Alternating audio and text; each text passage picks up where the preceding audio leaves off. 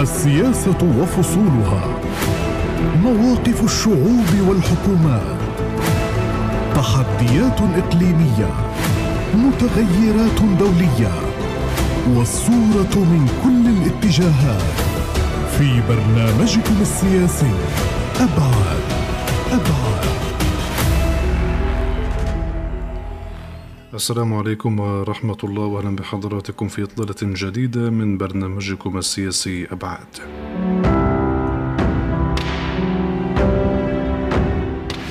هذا البرنامج الأسبوعي مستمعينا الكرام والذي نستعرض فيه أبرز الأخبار والتطورات السياسية على المشهد الفلسطيني من مختلف الزوايا والأبعاد لنصل إلى الصورة الكاملة ونقرأ الأبعاد ونستشرف المآلات.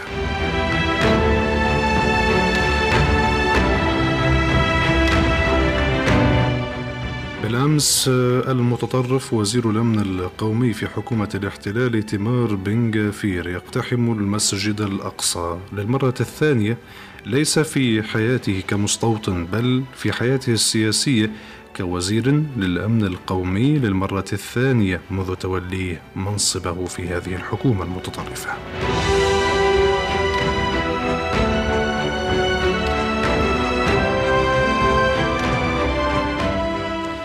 تصرف بن جفير لم يكن تصرفا فرديا من وزير يأتي من خلفية استيطانية كمقتحم للمسجد الأقصى ومترأس للجماعات الاستيطانية المقتحمة بل من وزير للأمن القومي في حكومة الاحتلال. الحكومة ذاتها الإسرائيلية برمتها يبدو أنها تسير بشكل واضح في ذات السياق والخط. فبالأمس وبعد هذا الاقتحام عقدت حكومة الاحتلال اجتماعها الأسبوعي في المسجد الأقصى بالتحديد في نفق بالقرب من حائط البراق.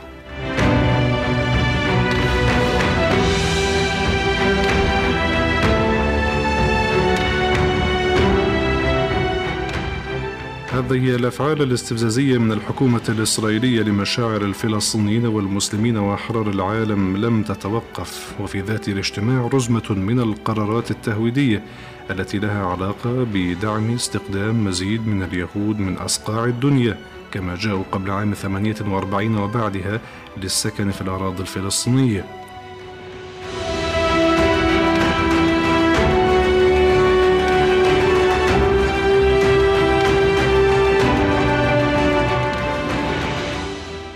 كذلك أيضا مخطط إسرائيلي بالقدس لإقامة مستوطنات تقدر ب 1700 وحدة استيطانية جديدة أيضا خلال الفترة القادمة.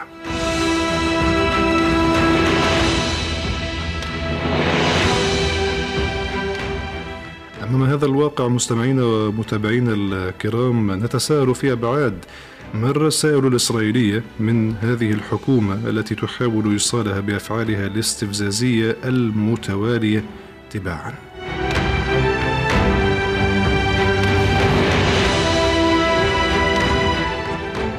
كيف على الفلسطينيون أن يفهموا هذه الرسائل ويتصدوا لها ميدانيا؟ والأهم كيف تفهم القيادة الفلسطينية؟ هذه الممارسات من المستوى الرسمي المقابل المستوى الرسمي الإسرائيلي.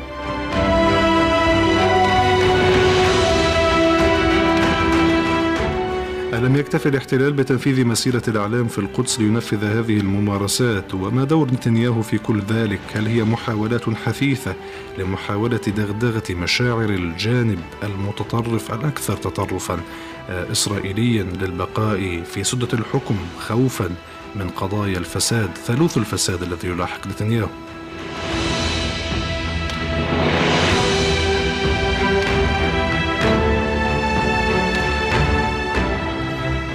وبعد قمة عربية وصفت بياناتها الختامية بالإيجابية والتأكيد على مركزية القضية الفلسطينية. أي دور مطلوب على صعيد الاستثمار لهكذا قرارات من أجل نجم الاحتلال الذي من الواضح أنه ينتهج كرة الثلج في العدوان على الفلسطينيين. عدوان يتلوه عدوان وبين عدوان وعدوان عدوان آخر.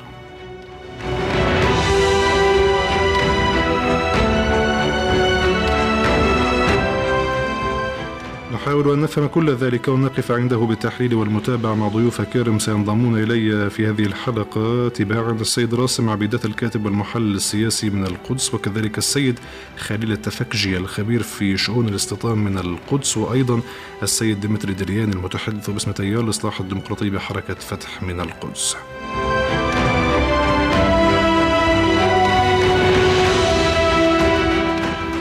أبدأ هذه الحلقة من أبعاد مع ضيف الكريم السيد راسم عبيدات الكاتب والمحلل السياسي من القدس. سيد راسم مساء الخير. وأهلا بك معنا في برنامج أبعاد عبر راديو الشباب من غزة. أهلا وسهلا بكم وتحياتي لكم.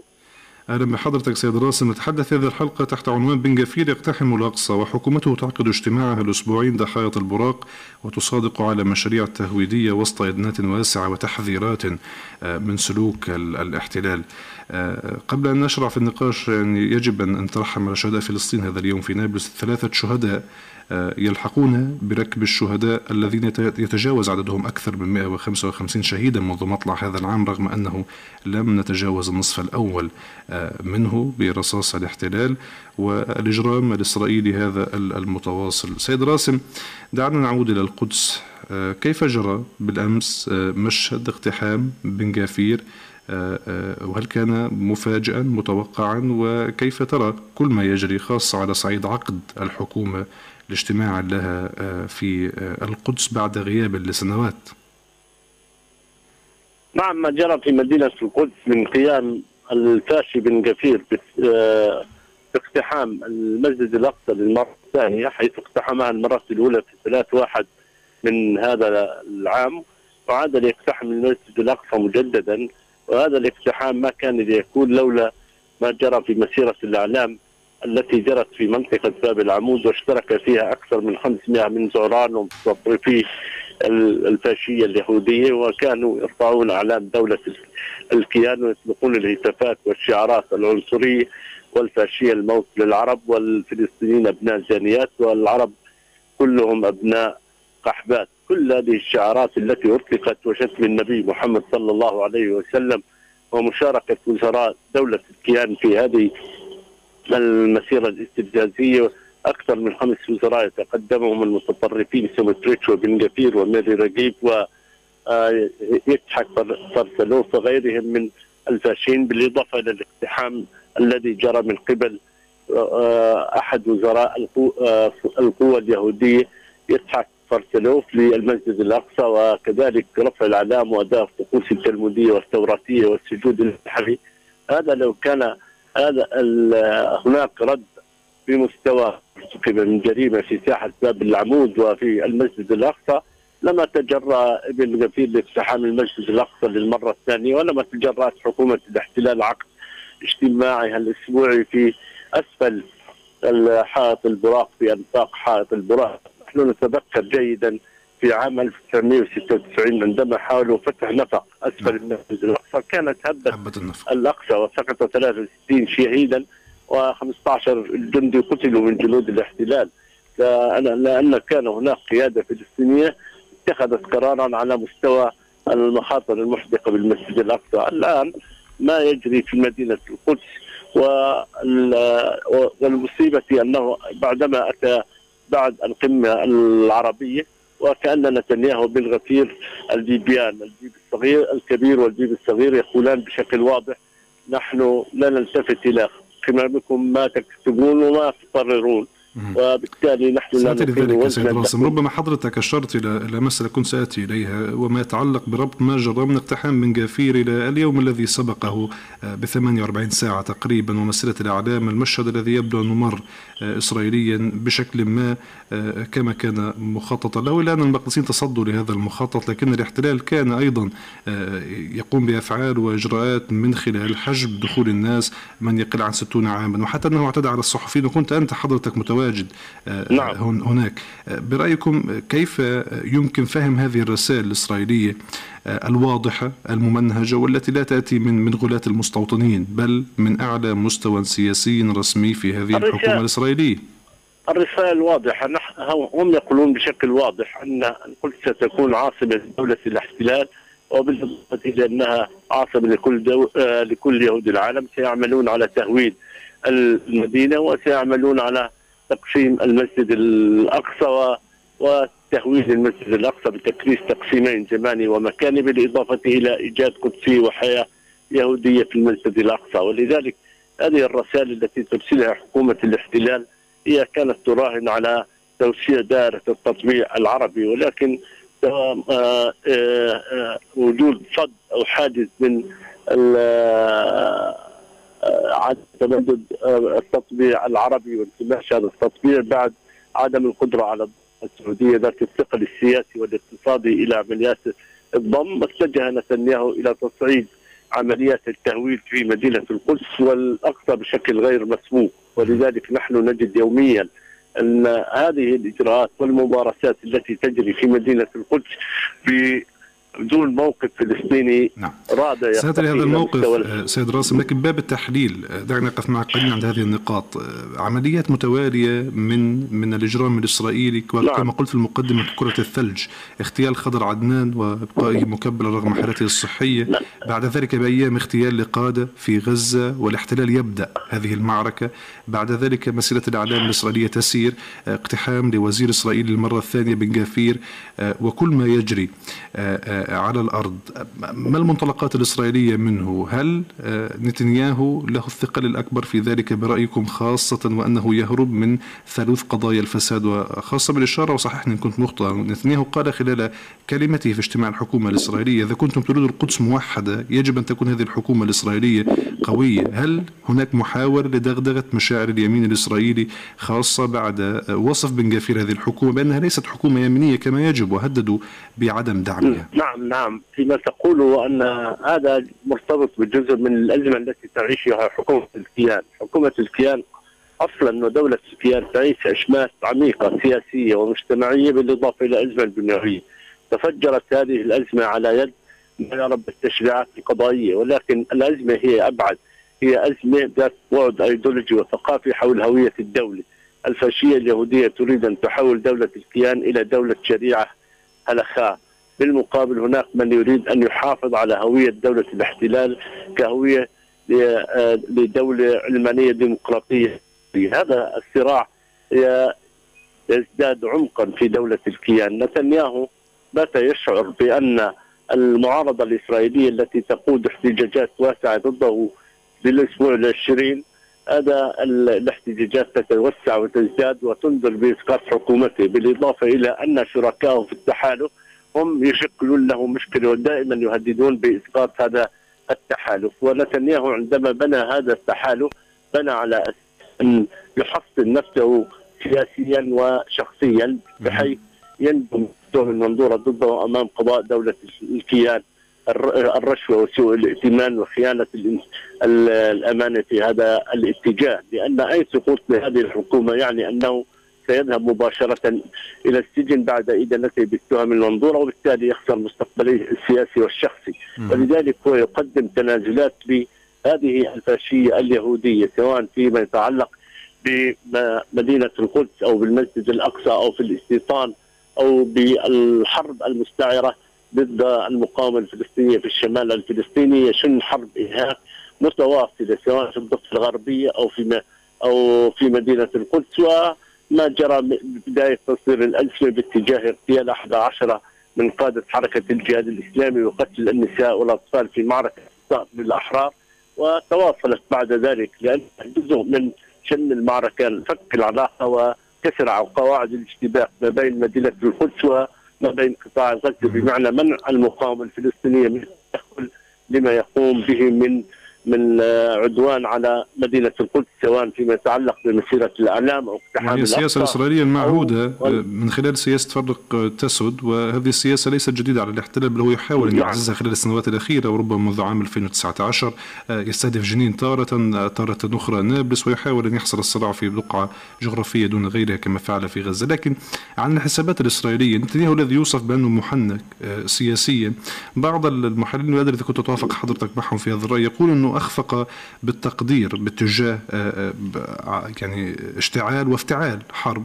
ومواجهة مع المقاومة الفلسطينية وبعد نعم ذلك المؤسسة الأمنية العسكرية لا تشاطر نتنياهو وجهة نظر بأنه قد تمكن من استعادة الرعد استعادة قوة الردع ولأن ما جرى في معركة الثار للأحرار وفي التقييم أن حركة الجهاد الإسلامي والتي تصدرت المشهد في إطار الرد جرائم الاحتلال استمرت في إطلاق الصواريخ حتى اللحظة الأخيرة وكانت لها الضربة الأخيرة في استمرار إطلاق الصواريخ من قطاع غزة على المستوطنات إلى قطاع غزة وعلى عمق دولة الاحتلال. وحتى أن صواريخ المقاومة الفلسطينية البدائية بتقنياتها بتقنياتها استطاعت أن تتجاوز وتسقط نظرية مقلاع القمم الحديدية ومقلاع داود بالإضافة إلى الحس وهذا يشكل تطور نوعي في قدرات المقاومة الفلسطينية. وبالتالي عندما نتحدث أن تصل صواريخ الجهاد الإسلامي إلى مشارف آه، مدينة القدس وتضرب تل أبيب فهذا مؤشر على أن الاحتلال لم يتمكن من استعادة قوة الردع التي يتحدث عنها بل أن قوى خاصة بالإشارة نعم سيد راسم بالإشارة إلى مسألة أنه تجدد المظاهرات القضائية. قيل أنه هناك عدة أهداف نعم. منها يعني محاولة نتنياهو لإلهاء الشارع الإسرائيلي عن الأزمة الوجودية. عادت هذه المظاهرات في الأسبوع العشرين. الأكثر, نعم. الأكثر من ذلك ربما استطاعت الرأي الإسرائيلية. كانت تقول في بداية هذه المواجهة حينما اختار نتنياهو قادة من المقاومة الفلسطينية بأنه صعد في استطلاعات الرأي لكنه بعد توالي هذه العملية إغلاق الاحتلال وتكلفة تقدر بأكثر من 50 مليون دولار التكلفة العملياتية يوميا كما قالت وسائل الإعلام الإسرائيلي لهذه المعركة قال أنه قيل أنه تراجع نتنياهو إلى الخلف وصعد بنجانس هل هذا صحيح؟ نعم استطاعت الرأي بشكل واضح أن الذهاب إلى انتخابات تبكيرية سادسة دولة الاحتلال يجب أن تعلم أنها دخلت في مرحلة لا مخرج سياسيا وبالتالي الانتخابات التبكيرية السادسة لن تحل المشكلة ولكن الانتخابات التبكيرية السادسة تقول بشكل واضح أن نتنياهو لن يعد الأنسب لرئاسة الوزراء ويتقدم عليه جان زعيم المعسكر الوطني بالمقابل تتراجع شعبية الليكود والتحالف الفاشية اليهودية في هذا الاتجاه. بمعنى أنه لن يحصل على 61 مقعدا في الانتخابات القادمة وبالتالي عدم الحصول على 61 مقعدا يعني بشكل واضح أن آه، نتنياهو كما قلت لك سيذهب إلى المحكمة بالتهم المنظورة ضده أمام القضاء الإسرائيلي وسيدان ويذهب إلى السجن. ولذلك هو يعني باستمرار هذا التحالف ودائما يقوم باستع آه، بالخروج إلى إلى تصدير أزمات الداخلية باتجاه التصعيد ضد الفلسطينيين. هذا هو يعتقد أن ذلك سيمكنه من توحيد الجبهة الداخلية الإسرائيلية وتوحيد الموقف والهروب إلى الأمام لتخفيف الضغط عليه من قبل المعارضة الإسرائيلية فيما يتعلق بالاحتجاجات حول تعديل التشريعات القضائية والسيطرة على منظومة القضاء وإضعاف سلطة ما يعرف محكمة العدل العليا. ومن الواضح نعم. من الواضح سيد راسم بأنه هذه المخططات الاحتلال يسير على عدة مسارات بشكل متوازي للأسف في خطط مدروسة وواضحة آه، ووفق آه، ذلك هناك حالة ربما من من من كرة الثلج المتدحرجة تجاه كل القضايا. الشهداء يرتفع عددهم أكثر من 150 شهيدا آه، انتهاكات في القدس وحتى على صعيد الاستيطان. ربما نقف أكثر مع تفاصيل الاستيطان وما, وما الذي فعله الاحتلال على الأرض مع السيد خليل التفكجي الخبير في شؤون الاستيطان من القدس. سيد راسم عبيدات شكرا جزيلا لوجودك معنا الكاتب المحلل السياسي من القدس. شكرا جزيلا لكل هذه المعلومات. سيد راسم آه، عبيدات ارحب بالأستاذ خليل التفكجي الخبير في شؤون الاستيطان من القدس. أستاذ خليل مساء الخير أهلا بك معنا في برنامج أبعاد عبر راديو الشباب. مساء النور أهلا وسهلا بكم. أهلا بحضرتك. نتحدث في هذه الحلقة تحت عنوان بن جفير يقتحم الأقصى وحكومته تعقد اجتماعها الأسبوعي عند حائط البراق وتصادق على مشاريع تهويدية وسط إدانات واسعة وتحذيرات من سلوك الاحتلال. آه، فيما يتعلق بتخصص حضرتك في, هذا المجال في مجال الاستيطان آه، آه، هذا الاحتلال كيف يمكن ابتداء توصيف سلوكه الاستيطاني ومخططاته الاستيطانية على الأرض؟ خاصة أنه منذ عقود نعلم أن الاحتلال يسير وفق خطط كبيرة 2020 2050 الآن ابتداء لأين وصل الاحتلال سيد خليل في مخططاته الاستيطانية؟ يعني بداية هي بكلمتين. هي نقدر نختصر كل ما تكلم في كلمتين. الإحلال والاختلاع. بمعنى اختلاع فلسطينيين وإحلال إسرائيليين. ما تم في الأمس بقضية الاجتماع في منطقة في النفق وهي كانت رسالة واضحة حتى أن نتنياهو تكلم بهذا الموضوع.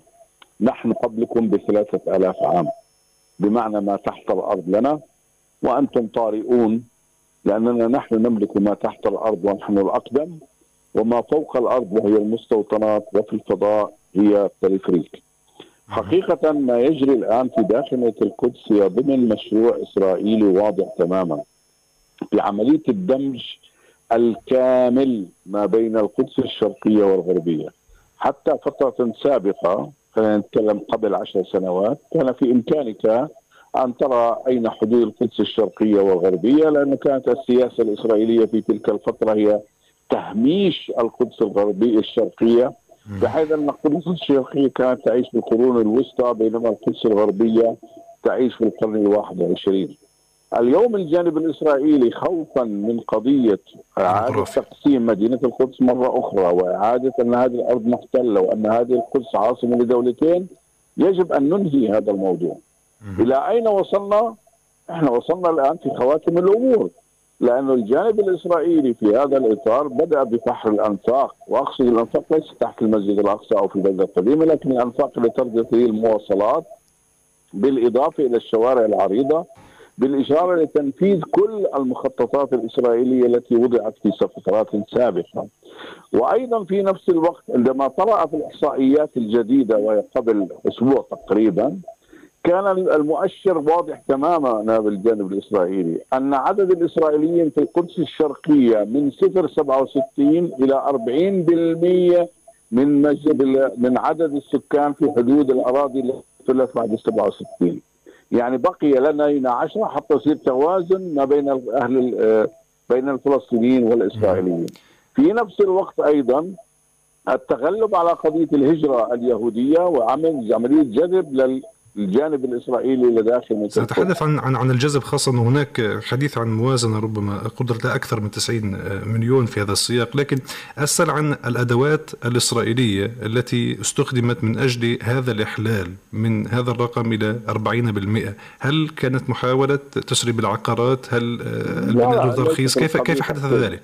لا لا ليس تقصيب الآليات واضحة تماما منذ 67 استخدمت كل القوانين سواء قانون القانون الإنجليزي 1943 اللي هو مصادر المصلحة العامة القانون أملاك الغائبين 1950 قانون التنظيم والبناء كل هذه القوانين سواء كانت في الفترة الإنجليزية أو الفترة العثمانية أو الفترة الأردنية استخدمت بالإضافة إلى التشريعات الإسرائيلية استخدمت من أجل السيطرة على الأرض. بعد أن كنا نسيطر على 100% 67 من الأرض. أصبحنا نسيطر 13% نتيجة هذه القوانين.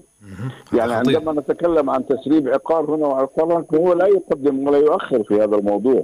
لكن عندما تصادر 24 كيلومتر مربع أو ما يعادل 35% من مساحه القدس الشرقية للمصلحة العامة وتبني عليها 15 مستعمرة إسرائيلية هو هذا القانون الأول.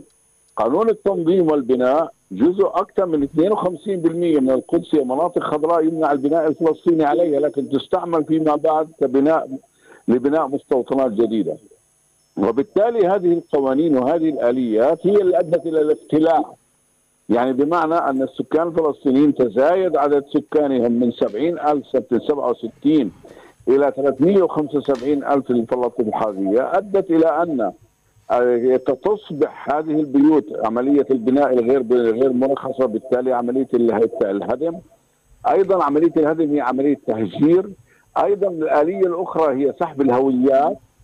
كل هذه الأمور نتيجة للسياسة التي وضعت في عام 1973 عندما تشكلت لجنة أرنون جيفني التي شكلتها في تلك الفترة جولدا مائير عندما كان محافظ البنك الإسرائيلي في تلك الفترة وأعطته كل الإمكانيات وكل الامتيازات من أجل جعل عدد السكان العرب 25% من إجمالي عدد السكان في حدود البلدية. اذا هذه الآليات هي التي وصلتنا إلى ما نحن به الآن، حتى ال 13% بدأوا بإقامة البؤر الاستيطانيه في داخل الأحياء العربية. يعني إحنا بنقول أننا في في في مرحلة متقدمة وفي الرمق الأخير يكون هذا الكلام واقعيا نتيجة لهذه الأرقام الخطيرة سيد خليل. طبعا يعني خلينا نأخذ القرى الفلسطينية ماذا استفاد الإسرائيلي من خلينا نسميها بالانتفاضة الأولى والانتفاضة الثانية. الانتفاضة الأولى كانت وجدوا أن آه، خلينا نسميها العنصر الصلب من أو النواة الصلبة من المجتمع الفلسطيني هي الاسره اذا يجب أن ندمر هذه الأسرة نشر المخدرات ثم انتهت إلى أخرى شغلة أخرى اللي هي الناحية الأمنية بمعنى تطويق الأحياء الفلسطينية بالمستوطنات ثم احتراقها بالبؤر الاستيطانيه ثم تشتيتها لتصبح أحياء في أو البيوت أحياء في داخل أحياء يهودية. أكبر مثال على ذلك ما جرى في قرية بيت صفافه التي تقع إلى الجنوب الغربي من مدينة القدس أو البلدة القديمة. هذه القرية كانت مقسمة إلى قسمين بين ال 48 و 67 جزء تحت السلطة الإسرائيلية جزء تحت السلطة الفلسطينية. تم توحيدهما بعد ال 67 ثم تم إحاطتها بالمستعمرات الإسرائيلية تطويقها ثم عملية تقطيعها بالشوارع. ثم إقامة البؤر الاستيطانية اليوم عندما تريد أن تذهب إلى بيت صفافة لا تجد بيت صفافة تجد أربعة بيت صفافة أو خمسة بيت صفافة محاطة بالمستعمرات الإسرائيلية مقطعة الأوصال للسهولة الأمنية ولا حتى لا تنمو وتكبر مرة أخرى لأنه يتم مصادرة الأراضي. وبالتالي الاحتياط في الأراضي غير موجودة لأنه لم توجد في هذه اللحظة. كل الأراضي تم مصادرتها للصالح الإسرائيلي. يعني بمعنى الإحلال الإسرائيلي. واليوم انتقلنا إلى نقطة أخرى وهي الشيخ جراح كما تعلمون وقضية الشيخ جراح اللي هي عملية إحاطتها وتقطيعها وإقامة البؤر الاستيطاني بها. إذا هذه هي السياسة الإسرائيلية السياسة الإسرائيلية واضحة انه هي تدرس ما حدث في سيناريو ما أو في في هذا وتطبقه وتعيده مرة أخرى من ناحية أمنية بحيث أنك تصبح الآن القدس تتحول كما تحول وادي النسناس في حيفا. يعني وادي حي اليوم تدور على الأحياء العربية في حيفا لا تجدها بل إلا عندما تسمع اللغة العربية هنا أو هناك. وهذا هو الإحلال. أه، نعم. سيد خليل أتحدث بالأرقام الأخيرة. كان هناك إعلان عن مخطط إسرائيلي لإقامة بؤر استيطانية جديدة بالقدس تقدر ب 1700 وحدة. لا هذه وحدات سكنية وحدات سكنية. وحدات سكنية. ماذا عن تفاصيل وأماكن وجودها وعلى أي أراضي أقيمت؟ اولا هذه المشروع ال 1700 وحده سكنيه هي تأتي ضمن مشروع القدس عام 2020 ضمن المخطط 2000 هذه الأراضي تم مصادرتها في عام 1970 ضمن أكبر مصادرة تمت في تلك الفترة 12000 دنم تم مصادرتها. تقع في الجزء الشمالي الغربي من البلدة القديمة. أقيمت على أراضي بيت حنينة وبيت إكسا. طبعا هذه المستعمرة الإسرائيلية هي ضمن المشروع بتوسيع المستوطنات القائمة. هذه المستعمرة يبلغ عدد سكانها تقريبا خمسين ألف يعني أنا لا أتكلم عن مستعمر أتكلم عن مدينة الآن. طبعا هذا التوسع الاستيطاني سيكون باتجاه الجنوب واتجاه الشرق واتجاه الغرب. وطبعا بالنسبة للجانب الإسرائيلي تقع هذه المستعمرة في الأراضي التي تم احتلالها بعد ال 67 في نفس الوقت أيضا هي تقع ضمن القدس الكبرى. اللي هي كتلة جبعات زائد اللي هي منها رموت وخمس مستعمرات إسرائيلية.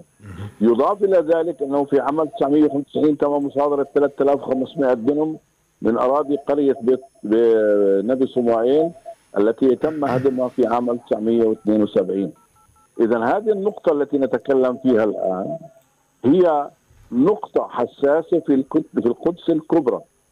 يجري الآن ليس في بناء وحدات سكنية. يجري إقامة سكك حديدية خفيفة يجري إقامة أنفاق يجري إقامة جسور. يعني القضية ليست قضية كما تكلمنا أكثر من مرة يعني قضية الاستيطان هي عملية شبكة طرق لمكان العمل ومكان النوم. يضاف إلى هذا وذاك هي أنها تقع في ضمن الكتلة الكبرى التي دائما إسرائيل تتكلم عنها من ضمن القدس الكبرى والتي قبل أيام تم المصادقة على هذه المشاريع وليس 3700 يتكلم عن المشروع القدس الكبرى بالمفهوم الإسرائيلي التي تعادل 10% مساحة الضفة الغربية. دائما نسمع في الإعلام عن عن مخطط القدس الكبرى. ما الركائز الأساسية لهذا المخطط الإسرائيلي وبلغة الأرقام؟ أي نسبة مئوية وصلنا إليها في هذا المخطط الذي يعمل الاحتلال عليه منذ سنوات طويلة؟ اولا بالنسبة للقدس الكبرى هي تقع ضمن ثلاث دوائر، الدائرة الأولى اللي هي الجزء الغربي الشرعي اللي هي كتله معالي ادوميم التي تصل حتى غور الأردن. يعني توصل هذه حوالي 35 كيلو متر بعمق الضفة الغربية. هذه الجزء منها تم الآن بناء مدينة أو بلدية خلينا نسميها معالي ادومي أو الخان الأحمر. بالإضافة إلى ذلك هنالك أكثر من مستوطن، في هذه المنطقة سيقام أكبر مطار في عام 2050 ضمن المشاريع. لاستقبال 10 مليون سائح. 35 مليون مسافر. يضاف إلى ذلك فتح الطرق الرئيسية الواصلة ما بين الساحل وما بين الأردن بحيث إنه هذا المطار يخدم المنطقة الأردنية والسياحة العلاجية في البحر الميت والسياحة الدينية في البلدة القديمة والسياحة العادية في منطقة البتراء أو منطقة الشرق الأوسط. هذه الكتلة الأولى، الكتلة الثانية اللي هي جوش عدسيون 14 مستعمرة إسرائيلية. الآن تم توسيع الأنفاق والجسور واليوم سيتم بناء جدار بحيث عمليه الضم. طبعا هي الكتلة اللي تقع في الجنوب الغرب المدينة، الآن الكتلة الثالثة اللي هي كتلة شمال غرب القدس اللي هي مكونه من خمس مستعمرات تكلمنا عنها رمون. هذه الكتل تعادل كما ذكرت 10% مساحه الضفة الغربية. اليوم القدس 2% يعني لسه بدنا نوسعها كمان 8%. فبالتالي هذه الكتله الاستيطانيه تعادل 10% ستصبح هي بعمق 35 في الضفة بعرض 20 كيلو متر وبالتالي ستكون كسد ليس سد استيطاني بل عملية فاصلة ما بين الجنوب الضفة الغربية وشمال الضفة الغربية. الدخول والخروج من الجنوب إلى الشمال بإذن اسرائيلي. هناك هذا المخطط الإسرائيلي الواضح والذي يعني قلت أن منذ يعني حكومات سابقة وعقود طويلة والاحتلال يسير بهذه الخطط وتشعر بأن الحكومات الإسرائيلية للأسف تتوالى وتتعاقب تختلف من من من يمينها وسطها يسارها لكن الجميع يواصل العمل على تنفيذ هذه المخططات 2020 2050 أسأل حضرتك من باب المتابعة أيضا. هل رصد أي مخطط فلسطيني مجابه لهذا المخطط الذي يمكن وصفه بالمخطط الذي تفضلت حضرتك به إحلالي لابتلاع كل الأرض وتجزئتها اربا اربا، هل هناك مخطط آه، فلسطيني للمجابهة برأيكم؟ ولماذا الغياب؟ في هناك مخطط. المخطط واضح بكلمتين الإدانة والاستنكار وكفى المؤمنين شر القتال. يعني الأدوات الفلسطينية آه، برأيكم اليوم؟ يعني وكفى المؤمنين شر القتال. سندين وسنستنكر وهذا هي اختصارا. لا نريد أن نكيل خليل الكلام قل ودل. يعني هذا العمل أن في لا يوجد لدينا خطة. أن دولة فلسطينية وعاصمتها القدس لا يوجد لدينا مخطط لا يوجد لدينا شيء.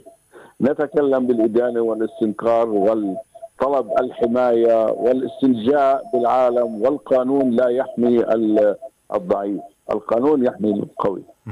القانون ما دامك ضعيف كل الناس ستضرب بك وتستجير بك. وهذا العالم لا يعرف إلا الأقوياء واليوم كما تفضلت حضرتك نحن آه، ربما نكون في الرمق الأخير من هذه المخططات الإسرائيلية التي لا تسير فقط كما قلنا مع السيد راسم العبيدات فيما يتعلق بالاستيطان بل هي تسير بخط متوازي اقتحامات مسيرة أعلام اقتحامات لبن غفير للمسجد الأقصى عقد الحكومة لاجتماعها آه، عند حائط البراق وبالتالي كرة ثلج من الإجرام الإسرائيلي واعداد الشهداء يصل إلى قرابة 160 شهيدا. على كل الاحوال السلامه لاهلنا والنصر لشعبنا في القدس. السيد خليل آه، التفكجي شكرا جزيلا لك الخبير في شؤون استان القدس. شكرا على كل هذه المعلومات والإضاءات.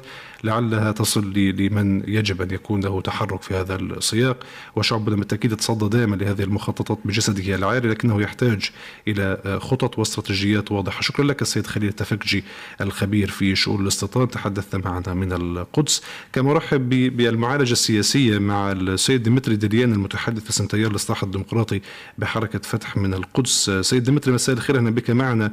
في هذه الحلقة من برنامج أبعاد.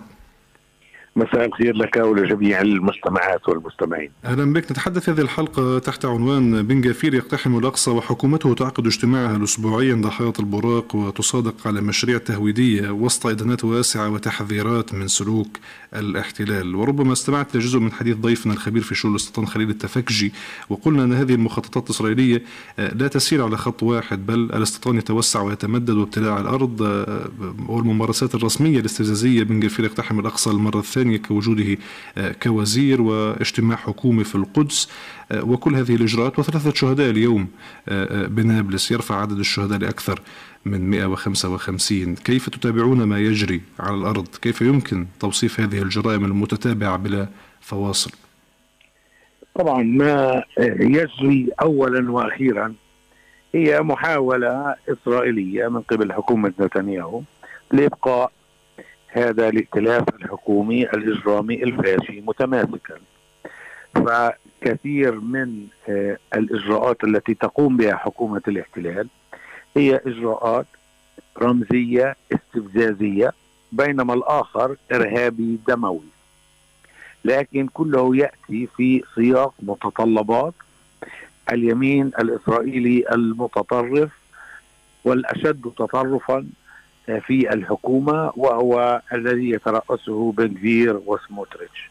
كان واضحا بنفير بمطالبته بقصف غزة وهذا بالفعل ما حصل وارتقى 37 شهيدا وأكثر من 150 جريحا وهدم حوالي قرابة 40 آه، منزلا بالإضافة إلى المنشآت العامة والشوارع وتعطيل الحياة في غزة لمدة خمسة أيام.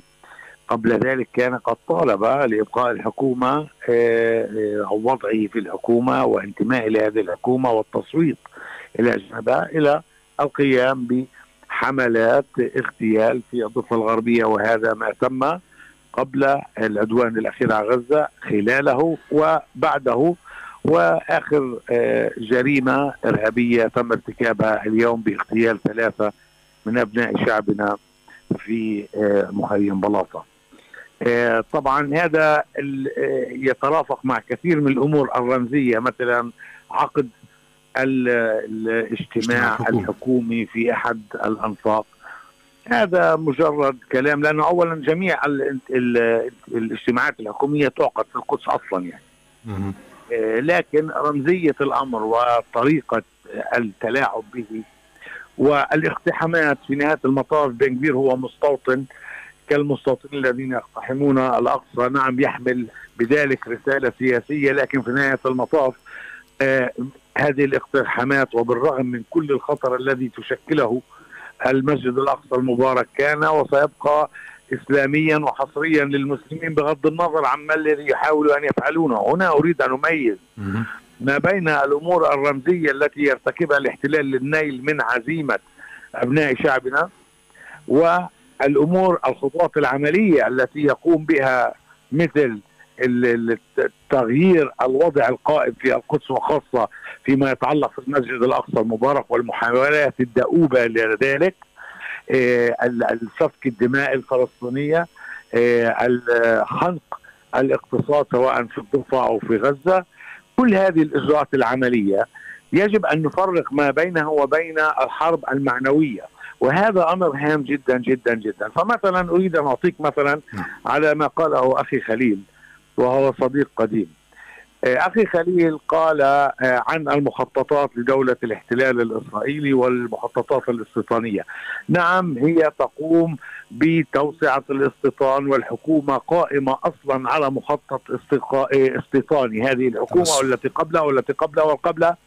ومنذ تقريبا آه، توقيع أوسلو وعملية الاستيطان هي في تسارع دائم ومخطط اليمين الإسرائيلي هو تعطيل أي حل آه، لشراء الوقت لزيادة الاستيطان لإيصالنا المرحلة التي وصلنا فيها الآن وهي أنه لا مجال لإقامة دولة فلسطينية على حدود 67 ومن يقول ذلك غير ذلك هو غير مطلع على ما يجري في الأرض. لكن في نفس الوقت حكومة الاحتلال لا تنال ما تريد. فنحن وأشار سيد خليل حقيقة في هذا السياق إلى أنه آه، آه، القدس أيضا آه، بعد 67 في حدودها الآن عدد المستوطنين انتقل من أقل من 1% في المناطق الفلسطينية بين القدس بعد 67 إلى أكثر من 40% وبالتالي أشار إلى أنه حتى حل 67 انتهى والاحتلال يحاول الآن أن نعم ينهي نعم. هذه المسألة بشكل نهائي بمعنى أنه لا وجود لمكان مختلف عليه لدولتين ولشعبين بل هو مكان واحد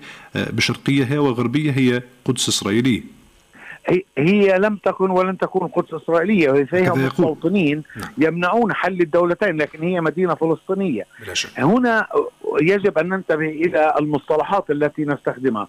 خذ مثلا مخطط إي 1 وهو في المنطقة التي تحدث بها أخي خليل عند منطقة معالي أدومين. المستوطنة والمشاريع هناك.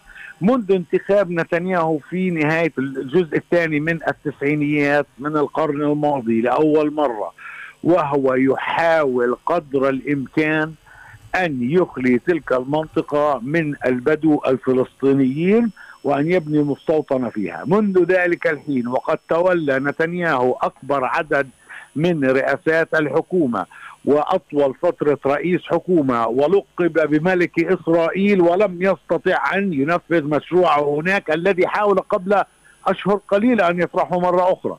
بالرغم من أن هناك تأييد حكومي وهناك إدارة أمريكية ضعيفة واتحاد أوروبي أضعف والعالم ملتفت إلى أوكرانيا.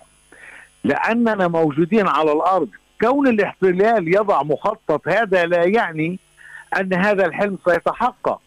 نعم هو يستطيع وبالقوة أن يفرض كثير من الأمور لكن لا يستطيع أن يفرض كل الأمور. ونحن لسنا بالمتفرجين. وتيار الاصلاح الديمقراطي في حركه فتح هو جزء يتجزا من الحركة الوطنية المقاومة يوما بعد يوم ليلا نهارا لهذه المخططات. ولن ندير ظهرنا ونستسلم مهما حاول لا شك انه شعبنا الفلسطيني سيد ديمتري كان نعم. في الجانب المعنوي أيضا هذا مهم جدا. بلا شك الشعب الفلسطيني يقاتل دائما سيد ديمتري وهبة النفق عام 96 في عهد الراحل ياسر عرفات كان خير خير مثال. وحتى في عهدنا الحديث آه، الأبواب الإلكترونية عام 2017 وسيف القدس وكل آه، آه، الأحداث التي جرت. تثبت أن الشعب الفلسطيني يقف عاري الصدر متحديا لهذا الاحتلال المدجج بالأسلحة. لكن ربما مساله الإعلام الأخيرة ومنع الفلسطينيين عن الدخول للقدس وأكثر من 60 عاما من يسمح لهم بالدخول والاعتداء على الصحفيين. كل هذه المواقف الإسرائيلية باتت أكثر عنجهية وتطرفا وتتدحرج ككرة الثلج كما قلنا. وهو أيضا هذا المستوى الإسرائيلي الرسمي الذي حتى البيانات التي أدانت هذه الممارسات وإن قلت أنها لها بعد معنوي لكنها قالت أن هذا سلوك يصدر من مستوى رسمي إسرائيلي. بن جفير هو وزير في هذه الحكومة الإسرائيلية ويجب أن يمثل دور هذه الحكومة الفاشية. آه، أسأل عن المستوى الرسمي الفلسطيني. ما الذي يجب أن يكون في مقابل هذا الضوء الأخضر من هذه الحكومة الإسرائيلية لكل هذه الممارسات آه، آه، الاستيطانية للقتل لأكثر من 160 شهيدا آه، ما المطلوب بشكل حقيقي وفاعل على الأرض؟ اولا الموقف الرسمي الفلسطيني حاليا لا يعدو كونه وهنا اعلي أيضا معظم الفصائل في في الموقف الرسمي وشبه الرسمي لا يعدو كونه موقف مؤسسات مجتمع مدني تطلق التصريحات والبيانات والإدانات والدعوة. وحينما تفعل شيء يكون لحسابات كثيرة متداخلة وليست بالوضوح الذي نحب أن يكون أن تكون هناك مثلا آه، تحرك من أجل القدس وفقط من أجل القدس وبدون حسابات داخلية هذا الأمر تقريبا انتهى من السياسة والموقف الرسمي بشكل عام ليس ذو صلة نهائيا بما يجري على الأرض. أعطيك مثلا بسيطا. اليوم آه، كان هناك اقتحام لمنطقة مخيم بلاطة في نابلس. تم اغتيال ثلاثة شبان تم هدم ثلاثة منازل تمت إصابة عدد من آه، الناس في منازلهم. تم احتلال مدرسة بلاطة للبنات وتحويلها إلى سكنة عسكرية. تم منع الإسعاف من الوصول بل أكثر من ذلك قام قوات المستعربين بارتداء ملابس الإسعاف في محاولاتهم لارتكاب الجرائم التي حصلت في المخيم. كل هذه الأمور التي حصلت وبعد ساعة وساعتين وثلاثة وأربعة وخمسة لم يكن هناك أي موقف رسمي. الموقف الوحيد الذي صدر للعالم وباللغات العالم المختلف. وهو موقف تيار الاصلاح الديمقراطي في حركة فتح الذي فند هذه الجرائم والتي آه، فسر للعالم مدى هي تخرق القوانين والمبادئ والمواثيق الإنسانية وكل الأمور التي هو من وظيفة الجانب الرسمي، هذا على مستوى التوضيح وشرح وفتح جرائم الاحتلال وليس على مستوى والدور الذي يقوم به تيار الاصلاح الديمقراطي في حركة فتح في الميدان في نهاية المطاف تيار الاصلاح الديمقراطي في حركة فتح هو قوة نافذة قوية ولها وزن كبير جدا جدا جدا لا يستهان به في منطقة نابلس وخاصة في مخيم بلاطه. لذلك نحن كنا في المعركة ندافع عن أهلنا على الأرض نوفر المساعدات الطبية على الأرض وفي نفس الوقت دبلوماسيا كنا نحارب من أجل فضح هذه الجرائم وتعرية الاحتلال. حقيقة الوقت دكتور واعلاميا أيضا. نعم أخيرا أمام هذا الواقع وربما أشار ضيوفي لأنه ما جرى لو أن مسيرة الإعلام تصدي لها من قبل الفصائل ومن قبل المستوى الرسمي لما حدث اقتحام بن الذي أمن العقاب فأساء الأدب. أسأل ما المطلوب؟ فلسطينيا بشكل فاعل وحقيقي لأن الاحتلال في حينما تسكت عن جريمة لا يصمت بل يزيد ذلك بجريمة أخرى كما آه، فعل باغتيال خضر عدنان بعد ذلك ابتدأ هو عملية باغتيال قادة من المقاومة. نعم. وبالتالي آه، الصمت آه، الذي يحدث بشكل رسمي وشبه رسمي قد يؤدي إلى مزيد من الممارسات الإجرامية. والشعب كما قلنا يقف عاري الصدر متحدي الاحتلال حتى الرمق الأخير لكنه يحتاج إلى الدعم والمساندة. على الصعيد الدبلوماسي كيف يمكن دعمه؟ على الصعيد الفصائلي والشعبي أيضا. أخيرا. هو باختصار السبب تراجع القضية الفلسطينية واستسهال عملية الانتهاك حقوقنا والاعتداء على الإنسان الفلسطيني ومقدساته. هو أن النظام السياسي الفلسطيني هو نظام مهترئ يعاني من عدة مصائب أولها مصيبة الانقسام، ثانيا مصيبة ازدواجية البرامج السياسية، ثالثا عدم عقد انتخابات وتحييد الشعب الفلسطيني وإبعاده عن قول الكلمة وهي حقه في النظام السياسي، فالمطلوب لنبدأ عملية تصليح هذا المسار التدميري هو اولا عقد انتخابات مجلس تشريعي ورئاسية ومجلس وطني في يوم واحد. وكلمة يوم واحد هي أهم أو مساوية في الأهمية لعقد الانتخابات ذاتها حتى لا نفتح مجال لأي جهة للتلاعب بالنتائج. وهذه الانتخابات هي ستعطي الشعب الفلسطيني حقه في قول كلمته وتحديد وتحديد المسار القادم لأين تتجه القضية وكيف تتجه هذه القضية الوطنية الهامة. ولا تترك لفلان وعلتان والقرارات الانفرادية والتمحورات الإقليمية والمصالح الشخصية بأن تعبث بقضيتنا الوطنية إلى أن وصلتها لأن يقوم تافه مجرم إرهابي مثل آه، آه، بن كبير بأن يقتحم المسجد الأقصى بل ويتباهى في ذلك بعدما كان أن يقوم في ذلك خلسه حينما كنا موحدين ونحارب ونقاوم ونحمي فقط تحت علم فلسطين وليس تحت راية أي فصيل. شكرا جزيلا لك لوجودك معنا السيد ديمتري دلياني المتحدث باسم تيار الإصلاح الديمقراطي بحركة فتح من القدس المحتلة العاصمة الأبدية لشعبنا الفلسطيني. شكرا جزيلا لوجود حضرتك آه، معنا. إذا مستمعينا الكرام نحن ما زلنا معكم أيضا في إطار ختام هذا البرنامج أشكر ضيوف الكرام السيد راسم عبيدات الكاتب والمحلل السياسي من القدس والسيد خليل التفكجي الخبير في شؤون الاستيطان من القدس وكذلك الشكر موصول للسيد ديمتري درياني المتحدث باسم تيار الإصلاح الديمقراطي بحركة فتح من القدس.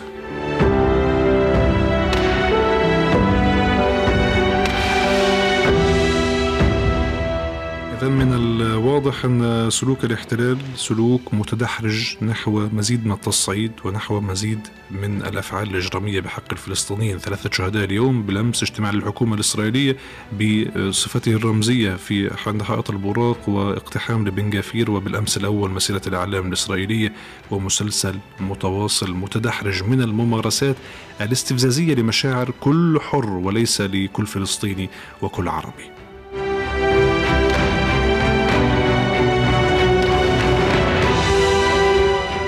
يجمع ضيوف على أن الاعتلال فلسطينيا يأتي من الموقف الضعيف والعالم لا يحترم إلا الأقوياء وأن الوحدة الوطنية والانتخابات الفلسطينية قد تكون مدخلا من أجل تجديد الدماء من أجل موقف رسمي موحد يحمي هذا الشعب الفلسطيني امتثالا ومجابهة لموقف رسمي يعطي الضوء الأخضر للمستوطنين بل يكون جزءا منهم في اقتحامات الأقصى والتدنيس.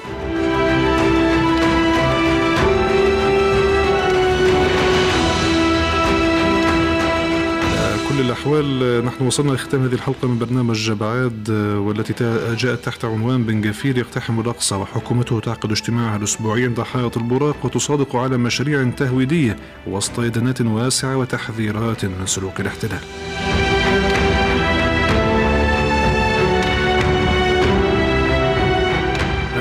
نلتقي دائما على خير مواقع القدس عاصمتنا الفلسطينية الأبدية بأفضل حال النصر لشعبنا الفلسطيني والرحمة للشهداء. أينما كنتم شكرا على متابعة هذه الحلقة أمل نلتقي دائما على خير. السلام عليكم ورحمة الله وبركاته. السياسة وفصولها. مواقف الشعوب والحكومات. تحديات إقليمية. متغيرات دولية. والصورة من كل الاتجاهات في برنامجكم السياسي. أبعاد أبعاد.